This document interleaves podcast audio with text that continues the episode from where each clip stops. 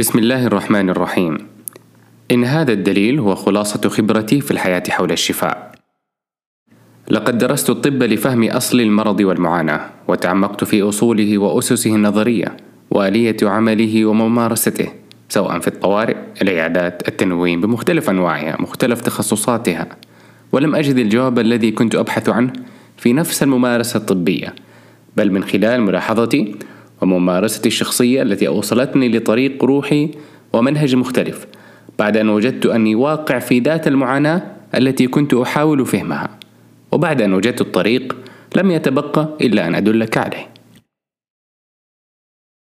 قبل أن تقرأ هذا الدليل أول شيء استحضر النية والرغبة الصادقة في الوصول للشفاء وأن تكون بخير. اترك كل ما تعرف جانبا لأن ما ستقرأ سوف يقدم لك تصور مختلف للعالم. قد لا تتمكن من تجاهل عقلك الناقد وتمسكك بأفكارك القديمة. لكن اعلم أن أفكارك القديمة وتصورك للعالم هو سبب معاناتك ومرضك. فابدأ بالنية والذهن الجاهز لإلغاء تعلم ما لا ينفع وتعلم ما ينفع ففي ذلك خلاصك. تخلى عن تصورك عن غيرك ومعاناتهم وركز في تجربتك أنت. ساعد نفسك اولا لتتمكن من مساعدة الآخرين. العلاج الزائف. ما هو العلاج الزائف؟ هو ما يقدم لك مسكن لعرض تشكو منه دون معالجة أصل المشكلة. قد تشعر بالتحسن بعده لكن سيعاود المرض هجومه مرة أخرى بشكله الأول أو يتشكل بطريقة أخرى. مثلا أنت تشكو من صداع. فذهبت للطبيب وشخص حالتك بأنها صداع توتري وأعطاك مسكنا وشعرت بالتحسن بعده. لكن الصداع عاد مرة أخرى لاحقا. وصرت تستعمل المسكن عند اللزوم واهما أن هذا علاج هذا علاج زائف لماذا؟ لأنه مبني على تسكين الأعراض دون الوصول لأصل المرض ولهذا عاود المرض زيارته فهو لم يذهب من الأساس إنما قام المسكن بتغطيته مؤقتا وكذلك هو الطب في جميع علاجاته للأمراض المزمنة كالربو والحساسية والضغط والسكري والسرطان والصداع النصفي وأمراض المناعة الذاتية والاكتئاب والتوتر. إن الطب يبرع في سحرك بتقديم مسميات علمية معقدة وهي مجرد وصف لمجموعة أعراض تأتي سوية على نمط ما فيقوم بتسميتها على أنها مرض أو متلازمة. زارعا الوهم أن هذا المرض هو مرض فريد من نوعه ومختلف عن الأمراض الأخرى لأن له شكلا مختلفا وبالتالي علاجا مختلفا. والعلاج الذي يقدمه لا يتجاوز تغطية هذه الأعراض دون علاج السبب الحقيقي. وإن زعم ذلك. لا يجيبك الطب بشكل واضح عن هذه الأسئلة. لماذا أنا متحسس من هذه المادة؟ لماذا قامت خلاياي بالتحول لخلية سرطانية؟ لماذا تقوم خلايا المناعة الخاصة بي بمهاجمتي؟ وهذا يمتد كذلك لما يسمى بالأمراض المعدية التي يتوهم المجتمع الطبي أن سببها جرثومة. فيقدم لك المضاد أو اللقاح لهذه الجرثومة زاعما أنه شفاء. لكن ستجد أن الجراثيم تعاود الهجوم بطرق مختلفة ومسميات مختلفة وتظل أنت تجري خلف المضادات واللقاحات متناسيا أصل المشكلة والمرض إنه لا يجيبك عن سؤال لماذا أمرضتني هذه الجرثومة أصلا؟ ماذا عن كل الأصحاء الذين تعرضوا لنفس الجرثومة ولم يمرضوا؟ لماذا تتفاوت مناعة الناس وردود أفعالهم؟ إن سؤالك لهذه الأسئلة هو بداية الوصول للفهم وللشفاء. ما هو أصل المرض؟ إن أصل المرض واحد.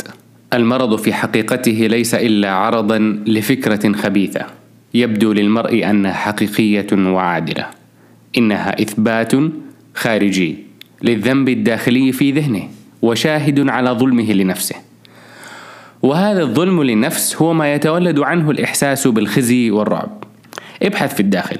وستجد أن الشعور بالخزي والرعب موجودين تحت غطاء أي مرض وعرض جسدي أو نفسي. عندما يكون هذا تصورك لذاتك داخليا أنك مذنب شقي سيتولد عن ذلك شعور بالرعب. وهذا الشعور سينعكس خارجيا ليشكل عالمك وما تتوهم أنه حقيقي. جسدك سوف يستجيب لهذه الأفكار وهذه المشاعر. ويعرضها لك بشكل يمكنك رؤيته والإحساس به ماديا. خلاياك سوف تعيد تشكيل نفسها وجيناتها وتتصرف بناء على معتقدك الدفين هذا. تخيل معي كيف تتعلم الآلة وكيف يعمل الذكاء الاصطناعي. نحن نقوم ببرمجة الآلة لتتعلم أنماط معينة بناء على التجربة والخطأ. تقوم أنظمة التوقع المبنية على هذا الذكاء بتجارب مرارا وتكرارا فيكون خطأها أكثر من صوابها عند بداية التعلم ثم تتحسن بإدراك الخطأ. إننا كبشر نعمل بنفس الطريقة فمنذ وجودنا للحياة نكتشف العالم بالتجربة والخطأ. نحاول ونخطئ نسقط ثم نعاود المحاولة مرارا وتكرارا حتى نمشي على أقدامنا. إلا أن لدينا حرية اختيار. تمكننا من الاختيار بين مواصلة التعلم أو الشعور بالذنب حيال الخطأ. فيقع النظام في فخ يوقفه عن التعلم والنمو والاستمرار ويجره نحو التدمير الذاتي. ولهذا جاء الرسل والمعلمون برسالة الرب ورحمته لتعليمك أن خطيئتك الأصلية إنما هي في توهمك بكونك مذنبا وحبس نفسك رهينة هذا الوهم الذي اخترعته. جاءوا لكي يشرحوا لك رحمة الله وطريقة الخلاص من هذا الشعور بمبدأ التوبة والمسامحة. أن تدرك خطأك بكل بساطة فتنتهي عنه وتصححه فيغفره الله لك جل جلاله. وكأنه لم يكن لتستمر في التعلم وسوف تتكرر هذه العملية كثيرا حتى تفهم الدرس بعمق وتصل إلى التعلم العميق. طريق الشفاء. للوصول للشفاء عليك بتصحيح خطأك وتصورك، وهذا التصحيح هو ما يسمى بالتوبة، وطريقها هو الاستغفار. لقد كرمك الله فخلقك على صورته، ونفخ فيك من روحه، وهو الحي الذي لا يموت. والله عز وجل هو نور السماوات والأرض ليس كمثله شيء هذا هو مصدرنا النور والحق هو خالقنا منه جئنا وإليه نرجع إن قداستك وطهارتك أصيلة فيك فأنت عبد الله وخليفة الله في أرضه. وما أدوات التطهير التي يأتي بها رسل الله إلا وسيلة لتتذكر ذلك وتزيل عنك وهم الخطيئة ووصمتها. فتتحرر منها فور أن تدرك أنها أوهام وهكذا تستيقظ من سباتك وأحلامك وكوابيسك وجحيمك التي صنعها هذا الوهم الشفاء التام لا يتم إلا برفع الظلم عن النفس وذلك بالمسامحة والغفران لظلمك لنفسك ولما تراه من ظلم الآخرين لك. ولتكون المغفرة كاملة يجب أن تطهر قلبك من كل بغض ومن كل كره وكل رغبة في الأذى والهجوم على إخوتك. سامح نفسك واغفر لها مغفرة حقيقية. لتكون المغفرة حقيقية لا ينبغي أن تطلب إثباتا بالبراءة أو ردا للاعتبار. البراءة والطهارة أصيلة فيك وفي إخوتك. لا تجادل أو تقيم الخطأ إنما قم بمسامحته وتجاوزه تماما كأن لم يكن. اغفر يغفر الله لك. هذه المغفرة التامة والحقيقية صعبة وقد ترغب فيها فلا تستطيع وحدك لكنك لست وحدك. اطلب المعونة من الله عز وجل. وهذا هو مضمون الاستغفار. أن تدرك الخطأ ثم تطلب من الله أن يغفره فيغفره ويكفره عنك فيزول كما يزيل النور الظلام وكأنه لم يكن. فخ التجزئة. لا تنجرف خلف أوهام العلاج الزائف. اعلم أن الجسد يهرم ويموت ولكن روحك ستظل باقية لأنها من روح الله الذي ستعود إليه. إن الجسد ليس إلا بدلة نلبسها لتحقيق غرض معين في حياتنا الدنيا وسوف نسلم العهد وستعود للتراب من حيث جاءت. إن العلاج الزائف وإن حقق نجاحا مؤقتا فهو يسكن العرض ولا يعالج المرض. أما الشفاء الحقيقي فهو شفاء الروح بالغفران والانفكاك من سجن الذنب والخوف والذي إن تم فسينعكس إيجابا على الجسد وحيويته. إلى أن يأتي أوان تسليمه. إن موت الجسد ليس فناءك، إنما انتقالك للدار الآخرة بكل يسر وسهولة ومحبة، بعد أن تعلمت دروسك وتجاوزت اختبارك وأوصلت رسالتك. إذا استوعبت هذا سيطمئن قلبك، فلا شيء هناك لتخشاه الجسد لا يستطيع أن يشفي نفسه بنفسه لأنه لا يستطيع أن يمرض نفسه إنه لا يحتاج الشفاء فهو غير واع عقلك الذي يحتاج للشفاء فأوهامه هي سبب معاناتك. إن المرض والشفاء يعتمد على تصور العقل للجسد والهدف الذي يضعه العقل لاستخدام هذا الجسد. هناك جزء من العقل يعتقد أنه منفصل عن الهدف الأسمى للوجود. وهذه هي الضلالة الكبرى التي تجعل الجسد سلاحا بيد العقل ليجسد هذا الانفصال. لقد صار الجسد أداة لتجسيد الوهم ويتصرف بناء على ذلك. فيرى ويسمع غير الحقيقة ويتصرف بجنون لأنه محبوس بجنون العقل.